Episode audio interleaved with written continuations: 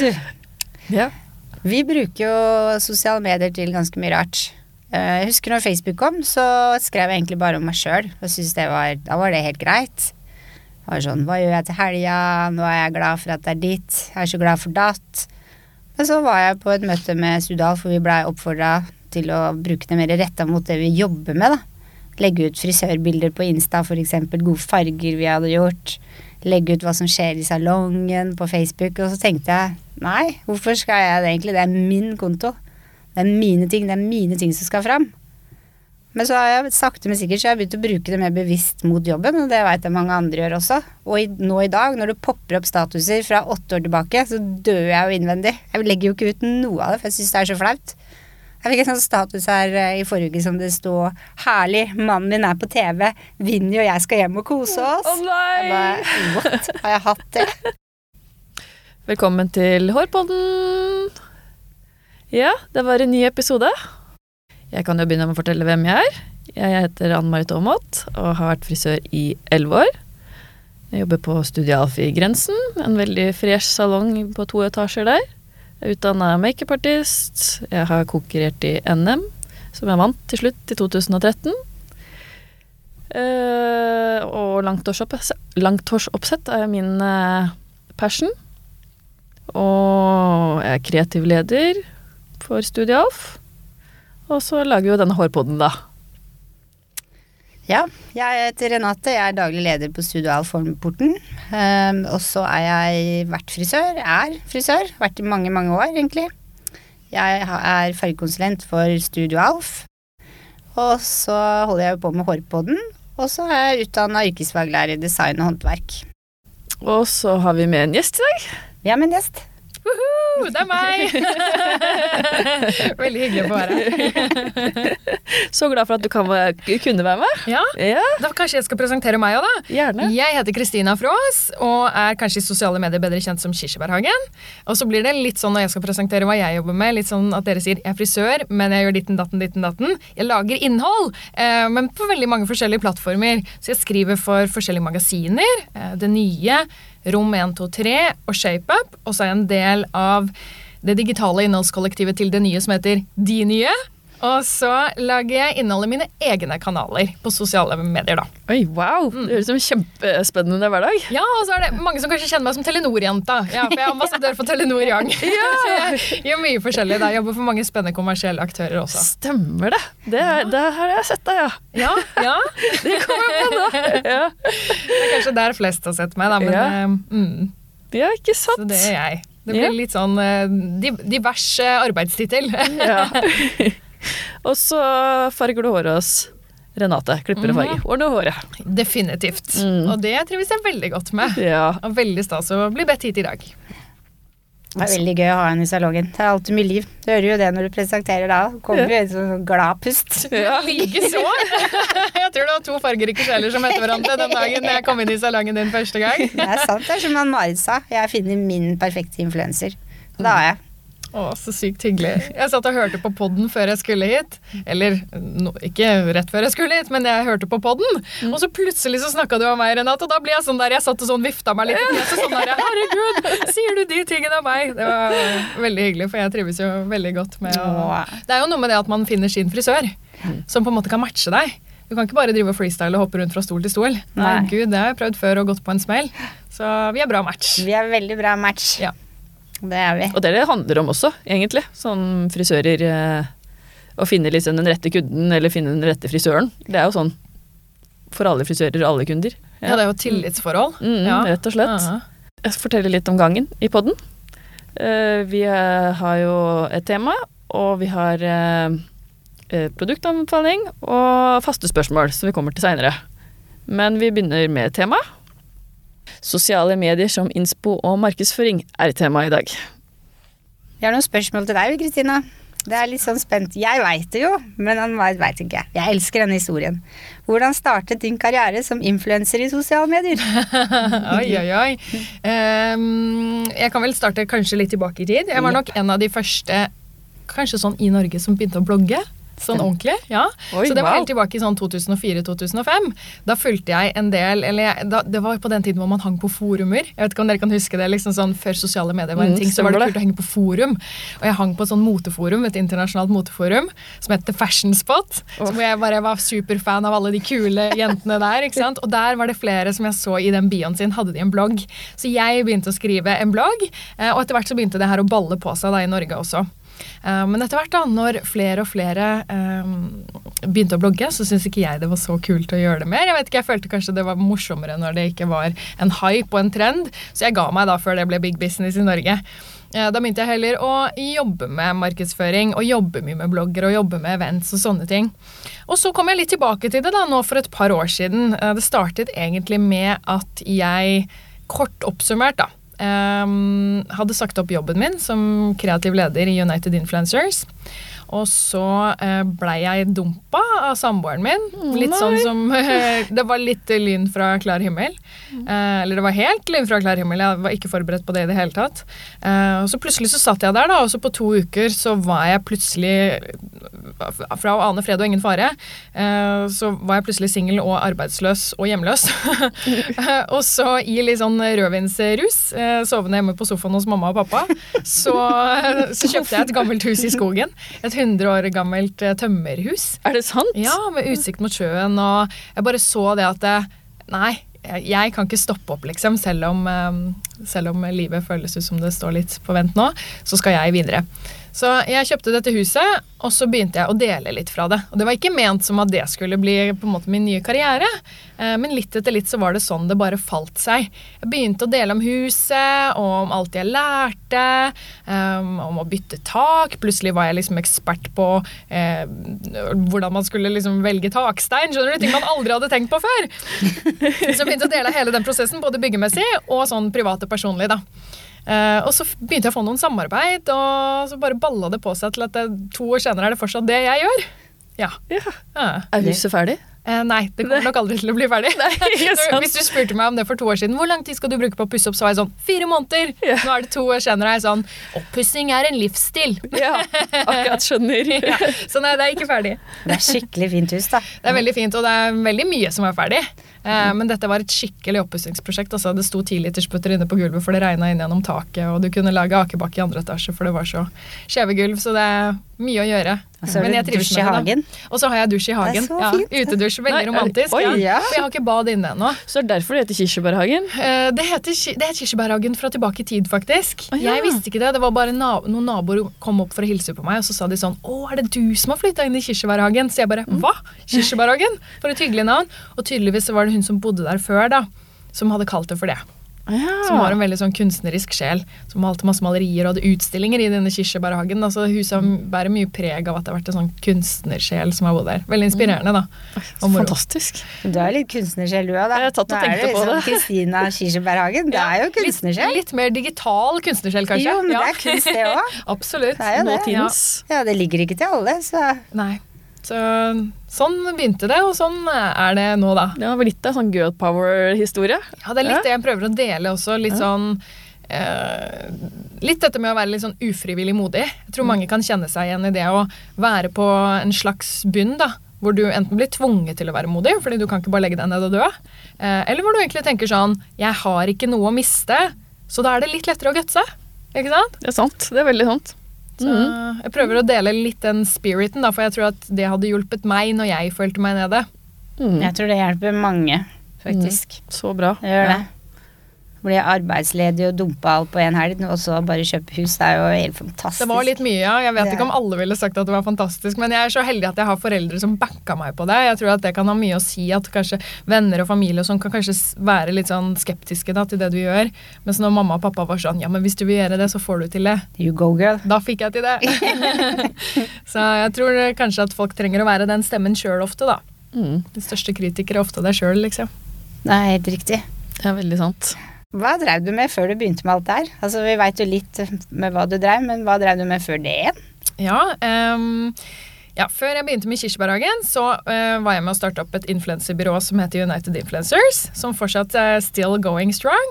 Og det var jo veldig gøy. Um, men alt jeg, jeg har egentlig aldri visst hva jeg skulle bli når jeg blir stor, eller noe sånt. Jeg gikk medier og kommunikasjon på videregående, for jeg syntes at det var interessant.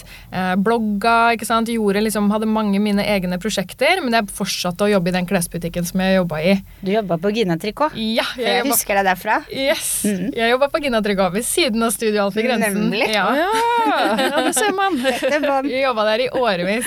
Uh, og det var jo innafor det. Og så begynte jeg å jobbe på Bianco, så begynte jeg å jobbe på By Marlene Birger, og så etter hvert så uh, var jeg lei av å jobbe i klesbutikk, uh, så jeg var egentlig sånn desperat etter å få en åtte til fire-jobb.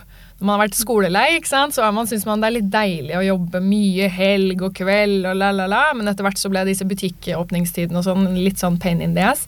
Eh, så jeg bestemte meg for at nå skal jeg få en litt mer sånn litt mer dagtidjobb. Um, og så var det helt tilfeldig at jeg kom inn i et selskap som jobbet med salg og markedsføring. Uh, eller kanskje ikke helt tilfeldig, jeg syntes jo det var interessant, men akkurat da var jeg åpen for å egentlig ta litt sånn hvilken som helst jobb, men jeg er veldig glad jeg kom inn der. Um, og så har det på en måte balla på seg da fra å jobbe med salg til å få lov til å gjøre litt mer av det som jeg har hatt lyst til, som har vært mer prosjektledelse, kanskje, konseptutvikling, få lov å være mer kreativ. Ikke bare sitte med tall og grafer, liksom. Eh, og møtt mye mennesker, vært ute og solgt, vært ute og lagd konsepter. Og så har jeg etter hvert da hatt en del jobber innen salg og markedsføring, og mye digitalt, da.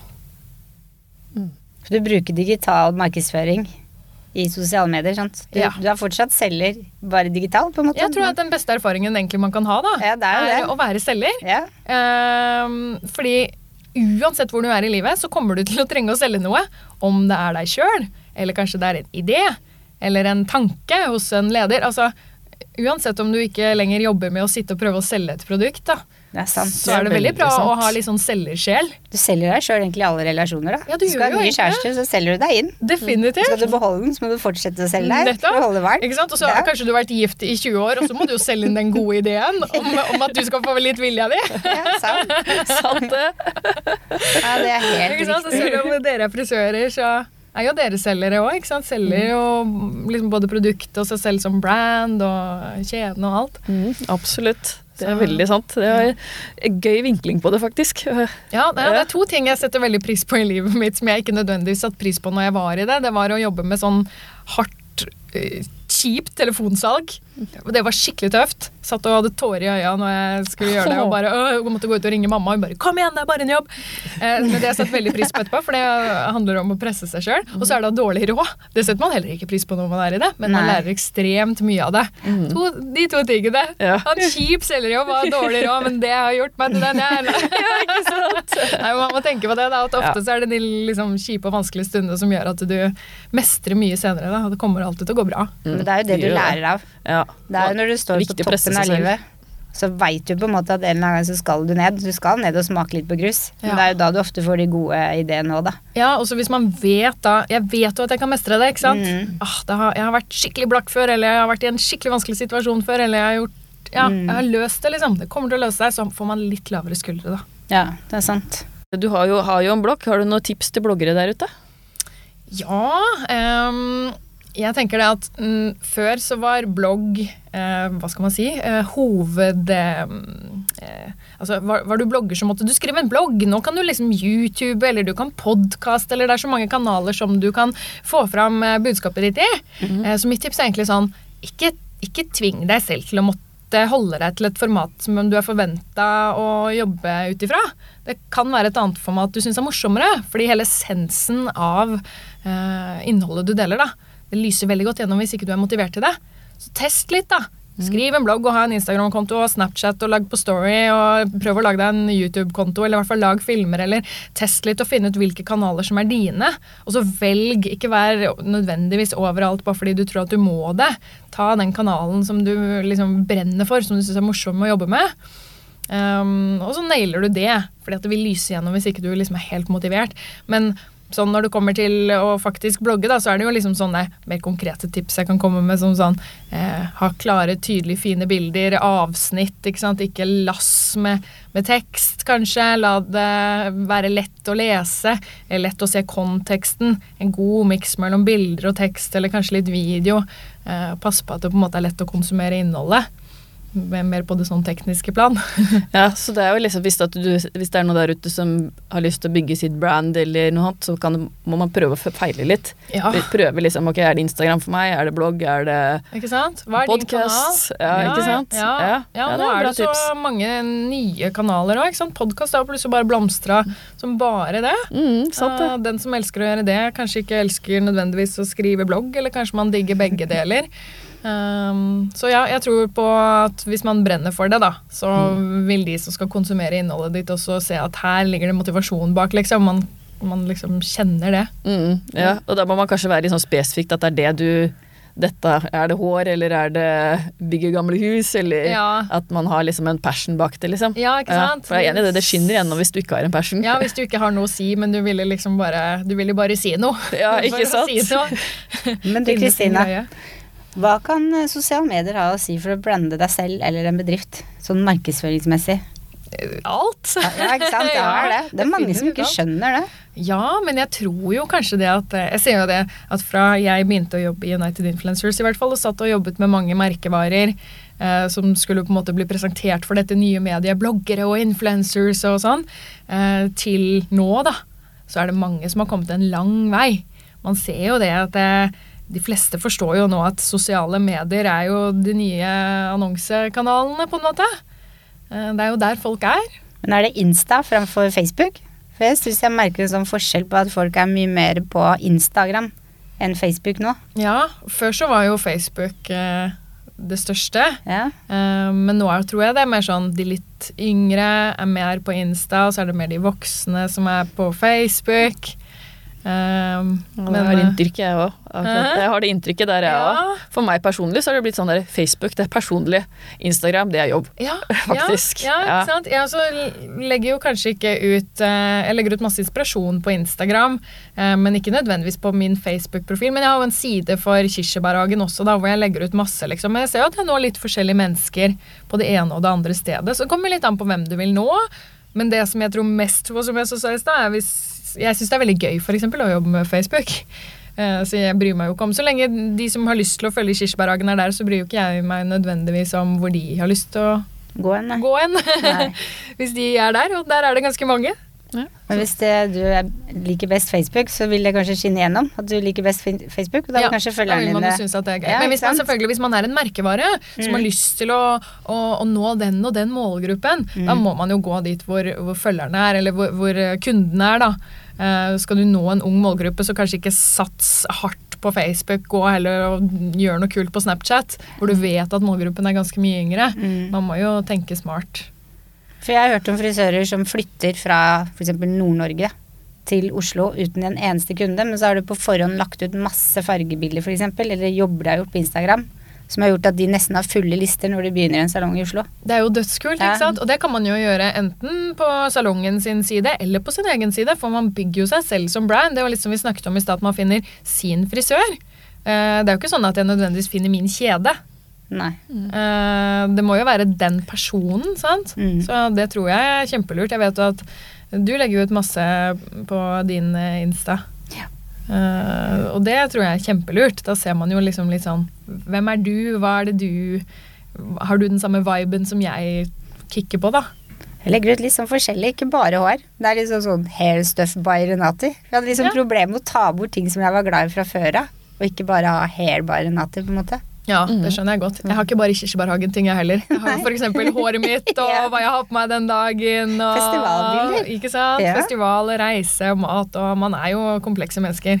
Vi, vi, vi, det vi liker jo, selv om vi er veldig glad i hår, så liker vi jo forskjellige ting. Så det, det, er, det er jo absolutt innafor å gjøre, for, Ja. spør du meg. Ja. Selv om det er en liksom jobbkonto, eller kall det hva du vil. Ja, ikke sant? Ja. Ja. Instagrammere, youtubere, bloggere, poddere. Føler du det er det nye yrket? Det nye yrket? Ja, det er jo definitivt mange mange nye jobber å hente der. Det er jo ikke mange år siden man ikke kunne leve av noe sånt. Altså, jeg tror det er mange som eh, lever godt da, i disse nye yrkene. sant, sant. Men igjen så er det jo en del andre yrker som faller bort. Jeg vet ikke, Man ser jo at de kutter ned i magasinbransjen og de kutter ned i avisbransjen, og så popper det opp influencers som på en måte tjener penger. Og det handler jo om at sosiale medier på en måte vokser opp, og de tradisjonelle mediene faller litt grann ned. og så eh, Det er jo på en måte bare en annen, litt annen form på hvor folk konsumerer innholdet sitt. da. Så ja, det er jo definitivt mange nye yrker der. Men jeg vil ikke si de nye yrkene. Det er, jo, det er ikke sånn at andre yrker ikke kommer til å bestå, tenker jeg. da. Nei, nei, det er sant. Det er Men det er mange muligheter der. Mm. Ja, Ja. for alle. For det er jo mange som har det som en hel, heltidsjobb, selvfølgelig. Ja, ja. veldig mange. Ja, Ja, ikke sant? ja. Det er det. Syns du at det burde vært en del av skoleopplæringen? Lære seg å brande seg sjøl i forhold til elevbedrifter eller Ja, det er jo et veldig godt spørsmål. Mm. Um, jeg syns jo definitivt at sosiale medier må inn i skolen. Ja, fordi ikke bare det at man skal brande seg sjøl, men også det her med hvordan man skal beskytte seg selv. ja. Jeg er så glad for at jeg ikke hadde Facebook for eksempel, når jeg var fjortis. Er ikke dere glad for det? Jo. Eller tenker dere at dere hadde håndtert det godt? Nei, det tror jeg ikke jeg hadde gjort. Nei, det er veldig sant. Det har jeg ikke tenkt på, for det, har liksom, det var, fantes jo selvfølgelig ikke når jeg Nei. vokste opp. Men ja. Ja. tenk på den historikken jeg hadde hatt bakover. Jeg er Ja. litt glad for det, ja. Jeg fikk det på videregående. Da fikk jeg Facebook, og så før det så hadde jeg en hjemmeside. Men det var jo veldig manuelt. ikke sant? Vi la ut noen Mm. Festbilder og sånn der, men det var jo ikke på langt nær så mange som ser det. Og dette med likes. Mm. ikke sant? Det er jo en helt annen ny form for mobbing. Mm. Eh, mobbing kan jo være at du ikke får noen likes. Ikke sant? Eller at du får stygge kommentarer, eller ditt og datt. Så jeg tror liksom både det med å skjerme seg, og oppføre seg, og brande seg selv, og hele den der sosiale mediepakka For før, når jeg vokste opp, så var jo det fantes jo mobbing. Det har det alltid funnes, selvfølgelig. Men da var det jo liksom en liten gruppe mennesker som mobba. Nå er det jo liksom no- noen blir mobba i dag. Ja, så hvis noen blir mobba i dag, så blir jo hele skolen for greie på det. Da var det bare den lille gruppa. Ikke det at det er så veldig mye bedre, men det er jo enda verre når hele skolen veit at du ja, ikke vaske håret ditt, da, for eksempel. Hvis det var det som var mobbetingen. Og så kan det liksom bli sånn extended til hele døgnet. Mm. Før så møttes man på en måte kanskje i skolegården, og så kunne man ta avstand fra det man, når man gikk hjem. Mm, Eller var hjemme hos noen, eller noe sånt. Mens nå så Ha er det der hele tiden. liksom. Ja, man ser jo det sånn eh, Jodel er jo tydeligvis kilde til masse mobbing. Mm. Eh, jeg ser som oftest bare sånn morsomme ting på jodel, men man hører om liksom disse ungdomsskolene hvor det liksom er jodel som bare regjerer hele skolegården. da, hvor det liksom Folk kan skrive stygge ting om hverandre anonymt, da. Mm. Og ingen vet hvem det er. Og ja, Jeg tror det er mye å lære. altså. Jeg tenker at Der må man være litt sånn der gammeldags og følge kardemommeloven. Sånn, Mm, faktisk. Du skal ikke mobbe andre, og du skal være grei og snill. Men det er veldig rart, egentlig, for at når du skal ha barna dine på skolen i dag, så er det alle foreldre er så opptatt av at de skal kunne lese og skrive og kunne alt før de begynner på skolen. Men du lærer dem ikke noe om etikk og altså moral, og hvordan være en god venn, og det er jo det de skal kunne. Alfabet og lære seg lesekoder og matte og sånn, det har de lærer som lærer dem. Det, ja, Men det det er poenget med å være det. Å være inkluderende, det er jo det vi foreldre skal lære unga våre. Absolutt. ja, helt enig. Kjempeviktig. Og ja, også hvordan man skal være mot andre. Det er, jeg kan se for meg at jeg syns det hadde vært skikkelig vanskelig hvis jeg var ung og prøvde å være kul, sånn som jeg gjorde i åttende klasse. ikke sant? Og ja, prøve å være kul på sosiale medier. da. Jeg var kul på den der lille nettsida mi liksom, som jeg satt og koda selv hjemme i kjelleren hos pappa. Og la ut noen festbilder, men det var jo ingen som så det. Eh, bortsett fra kanskje to venner. Fordi jeg hadde bedt de gå inn på den spesifikke nettsiden. Sånn http kolon strek strek. Eh, det var liksom ikke det samme. Så jeg er veldig glad for at jeg ikke fikk eh, Facebook eller noe sånt før eh, videregående. Og håper på en måte at Jeg tror jo det også at foreldre er gode på det her, da, å lære. Men det er jo en helt ny verden, sånn, så det, det er litt sånn skummelt. Ja. Det er det, altså. ja. Eh, du, du har jo vært gjennom forskjellige sosiale medier. Har du lært av det av deg selv, eller har du liksom lært det av United Influencer, kanskje? Nei, learning by doing. Ja, det er det, ja. Ja, prøve og feile. Ja, definitivt. Herregud. Jeg tror det viktigste hvis du vil være litt sånn Enten om du vil jobbe med sosiale medier, eller om du jobber i en sånn type rådgiverstilling, eller uh, om du er influenser selv, eller uh, Den aller beste måten å lære på er å være til stede selv. Plutselig, ikke sant, hvis uh, Instagram Det popper opp en melding om at «Å, nå kan man livestreame på Instagram. Ja, så livestream på Instagram, da. Ja. Ikke sant? Det er den Da prøver måten å lære på. Ja, ikke sant? Ja. Test det. Da vet du at du Hvis du skal sitte og snakke til noen andre om det, så har du testa det sjøl.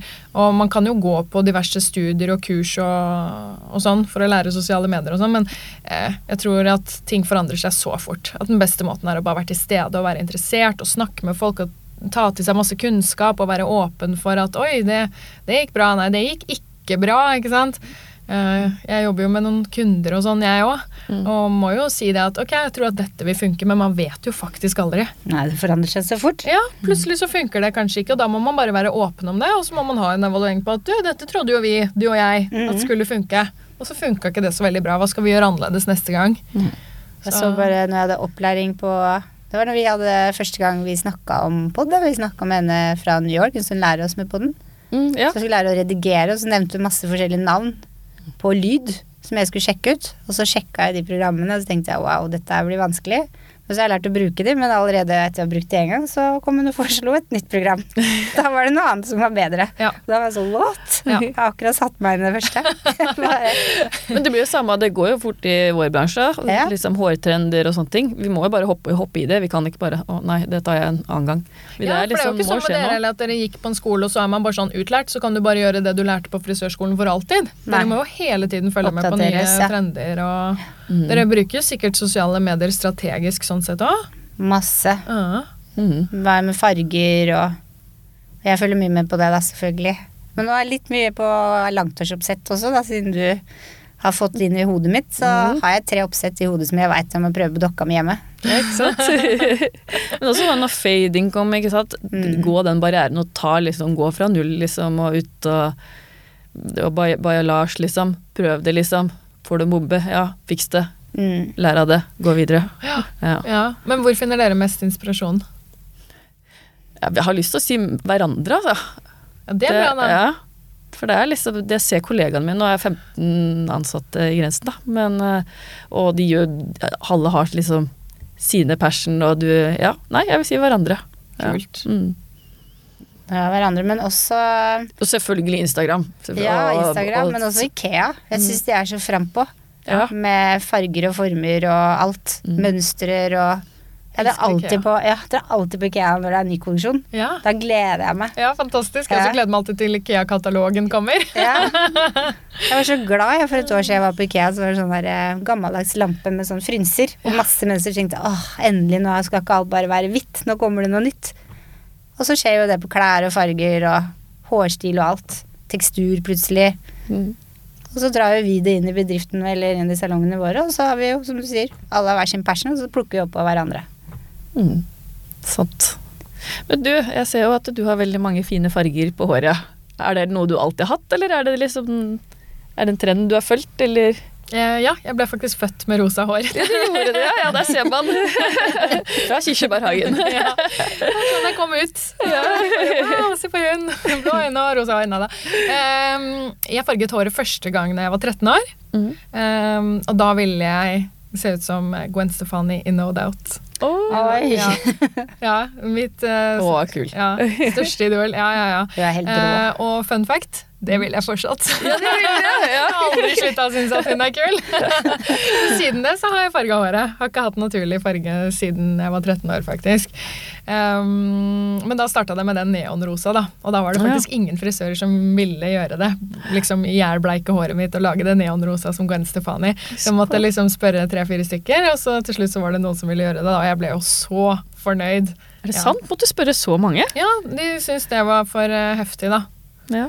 Så, men siden det så har jeg gjort mye. Hatt eh, lilla og blått og grønt og grønt med neongul. Og så hatt en periode hvor jeg ville være brunette. Og testa mye forskjellig. Da, Du har vært gjennom spekteret, skjønner jeg. har vært gjennom spektret, ja. Men jeg trives best med eh, litt sånn rosa toner. da. Det føler jeg er min naturlige farge. Og så kan jeg gå utenfor boksen i ny og ne.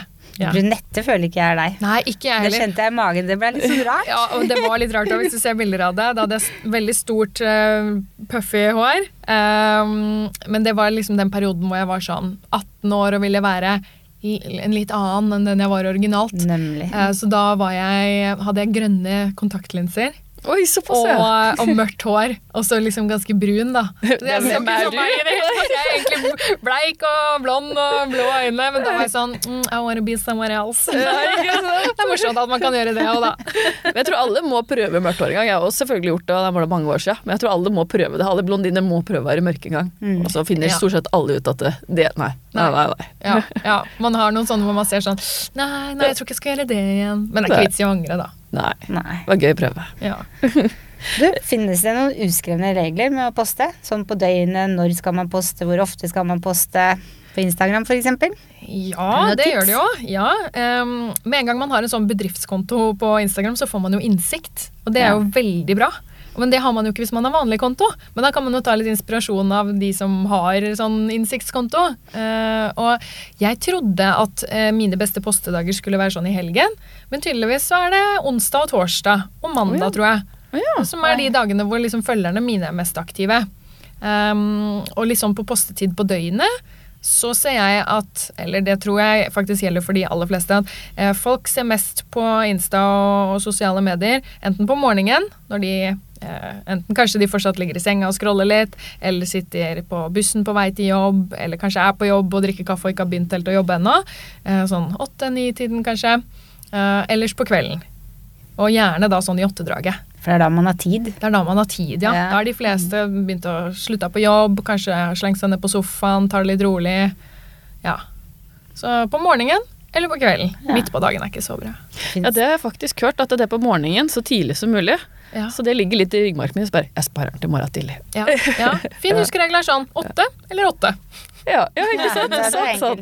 To fine tidspunkter. Onsdag, torsdag, mandag. Ja. Ja. Men så er det, det er aldri på en måte feil. Det er jo alltid lov å legge ut noe i øyeblikket. Jeg, jeg har vært sånn noen ganger sånn Å, dette her var, ble et skikkelig fint bilde. Det skal jeg spare til et skikkelig bra tidspunkt. Og så på en måte er på en måte øyeblikket over. Det er sånn Å ja, jeg kan ikke poste det Ah. solbildet nå, for nå regner det jo. Da, Ja, ja. da virker det jo fake. Så man må jo være litt på, dytt ut. Har du noe bra, kjør på, Da Man kan du bare Ja. slenge på en tekst, da. Drømme meg til denne dagen. ja, typ.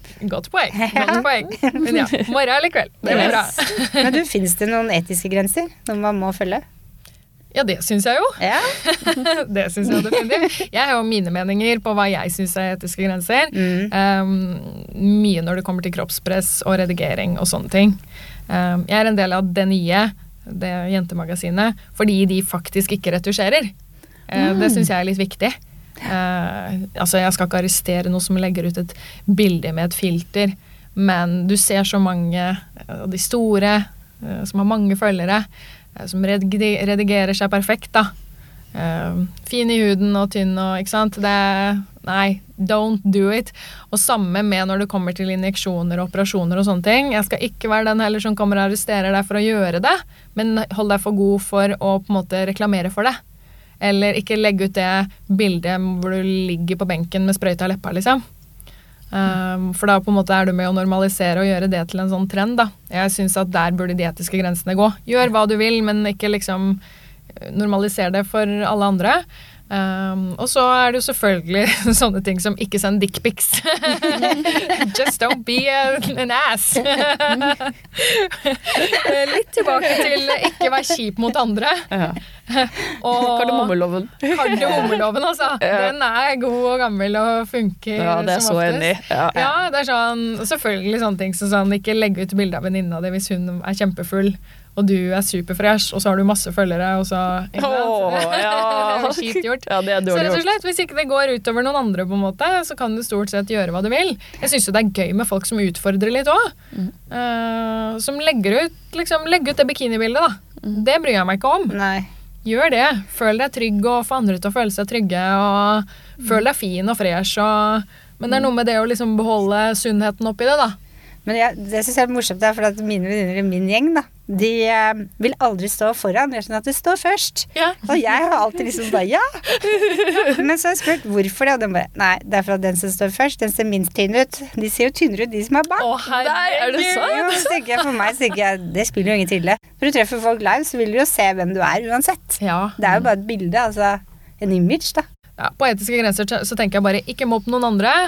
Eh, og så prøv å på en måte holde deg innenfor liksom ikke sånn der, eh, Du skal få lov å skryte. ikke sant? Legg ut det treningsbildet hvis du vil. Legg ut at du har vært ute og løpt tidlig på morgenen hvis du vil skryte. Og legg ut bilde av ungene dine hvis du vil. Uh, men sånn eh, Ja, folk kan unfollowe deg hvis ikke de finner deg inspirerende. Uh, men du trenger ikke å støte noen eller lage et usunt kroppsimage, tenker jeg. Det er liksom finne sine egne etiske grenser. Hva er det liksom Kanskje bestemme seg for det på forhånd, Ja, før man liksom istedenfor å gå veien gå, gå veien og liksom Ja, jeg tar det etter hvert, liksom. Kanskje ja, ja. kanskje tenke å- litt over hvem vil jeg være, og i hvert fall tenke litt over sånn Har jeg uh, unge følgere? og hva har jeg lyst til at de skal sitte igjen og føle. Mm. Så jeg kan bli eksempel, jeg har unfollowa noen sånne reisekontoer. eh, Som jeg først har fulgt, for jeg tenker sånn Å, dette var superfine, inspirerende bilder. Men så sitter jeg etterpå og tenker sånn Når jeg faktisk følger de da, og får det opp i feeden. Sånn um, Jeg reiser ikke nok, jeg har ikke sett noe av verden, livet mitt er så kjedelig. Og så er det jo ikke det man skal sitte og føle. Da er ikke det inspirerende for meg, selv om ikke den kontoen har gjort noe feil. Det betyr jo ikke at de ikke skal legge ut reisebildene sine. Det betyr bare at jeg ikke skal følge dem. Mm. Men jeg syns det er noe annet når det kommer til eh, kanskje en blogger da, som eh, legger ut rabattkode på Røsteland. Mm. Eh, da da, da syns ikke jeg det er det samme.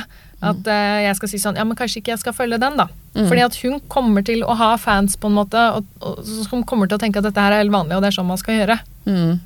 Det er sant. Så det er liksom to forskjellige sider av det. da Som eh, Mange som på en måte blir tatt, blir tatt på det eller konfrontert med det, kan si sånn Ja, men herregud, bare ikke følg meg, da. Mm. Men så lett er det ikke. altså Du har litt ansvar. Det er Mm. veldig lett å fraskrive seg det ansvaret. Det må Mm. være, Man må ta litt ansvar, altså. Mm. Veldig enig. Så jeg er liksom på det, da. At jeg vil gjerne legge ut Jeg legger ut bilder når jeg er supersminka, føler meg superfresh og har masse selvtillit, men jeg kan også legge ut bilder når jeg ikke har på sminke, uten å si sånn Hei, alle sammen, se på meg, i dag har jeg ikke på meg sminke. Det er bare sånn Hallo, det er helt vanlig. Noen ganger har jeg på sminke, noen ganger har jeg ikke det. Noen ganger ser jeg dritbra ut, andre ganger ser jeg liksom helt average ut. Og det syns jeg er fint å kunne gjøre uten å liksom påpeke det. Hallo, det burde være vanlig. Mm. Det er fordi det er vanlig. Det er vanlig! Ja. Ja, ingen står opp og ser ut som de Ja, Ja. Beyoncé, på en måte. Nei, de, altså absolutt ikke.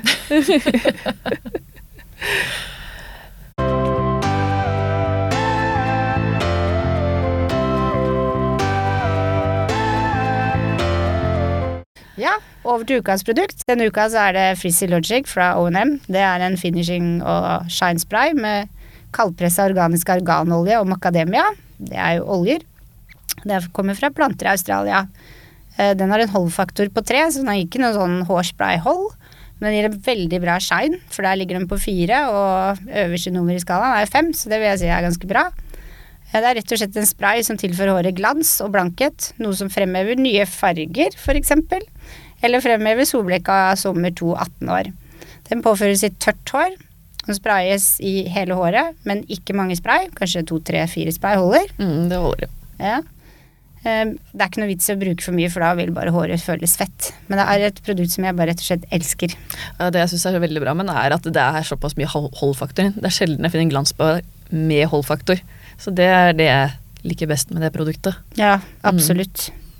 Så anbefales. Og så var vi noen faste spørsmål til deg. Eh, hva er dine hårrutiner? Mine hårrutiner er eh, Jeg prøver å ikke vaske håret mer enn to ganger i uka. Eh, Så jeg starter ikke hver dag med å vaske håret. Eh, Men når jeg gjør det, så vasker jeg det godt, og så bruker jeg gjerne kur og balsam, sånn at jeg får ekstra mye fukt når jeg først gjør det. Og så pleier jeg å la det lufttørke til det nesten er tørt, og så føner jeg det. For hvis ikke jeg gjør det, så blir det flatt. Men hvis jeg føner det når det er helt vått, så blir det for fluffy. så da holder den seg fint, på en måte. Eh, og da føler jeg ikke at jeg trenger å liksom rette det ut eller gjøre så veldig mye mer den dagen. Eh, men jeg liker å rette det ut, altså jeg bruker rettetang. Eh, Burde sikkert vært flinkere til å bruke sånn der varmebeskyttende spray. Men det må jeg innrømme, selv om jeg sitter her med to superfrisører, at jeg ikke nødvendigvis alltid Det må du gjør. bruke. og så er det litt varierende da om jeg skal noe den dagen, så kanskje jeg bruker litt lengre tid og setter opp med litt spenner og sånn, eller så blir det fort en sånn der eh, halvbønn oppå hodet. Jeg føler at så lenge håret er liksom eh, i en kul farge og har litt volum, så er jeg happy. Ja, du kommer godt unna med det, ja. Akkurat det. At det er litt Ja. sånn fresh farga en bønn, liksom. Det, Ja. det er veldig kult å se på. Det funker. Mm, Selv om det går kjapt òg. Ja.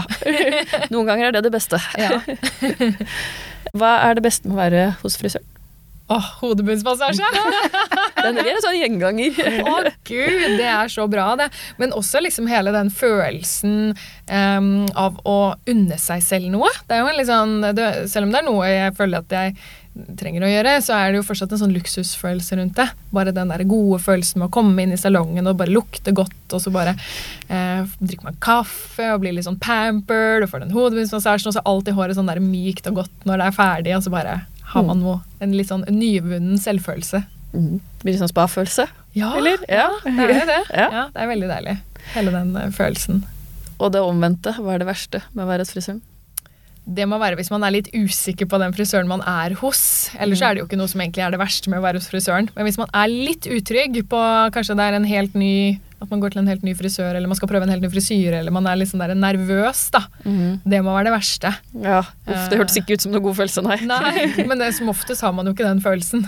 Eh, Men kanskje hvis man er i en sånn der leteperiode da, etter sin faste frisør på et nytt sted, eller eh, hvis frisøren din mot formodning har slutta eller noe, da må man jo lete etter en ny frisør. Ja, man må jo det. Man må jo prøve å feile der òg. Ja, så den, eh, Hvis man ikke føler seg helt trygg, så er det jo en litt sånn uh, ja, ja, ja, bra svar.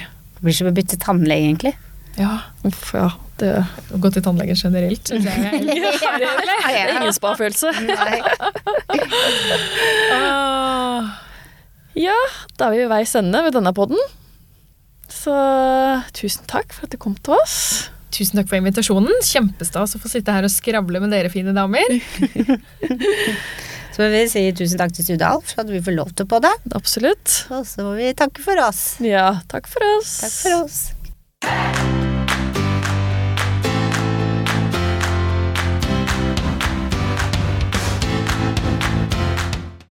Har du et enkeltpersonforetak eller en liten bedrift? Da er du sikkert lei av å høre meg snakke om hvor enkelt det er med kvitteringer og bilag i fiken, så vi eh, gir oss her, vi. Fordi vi liker enkelt. Fiken superenkelt regnskap.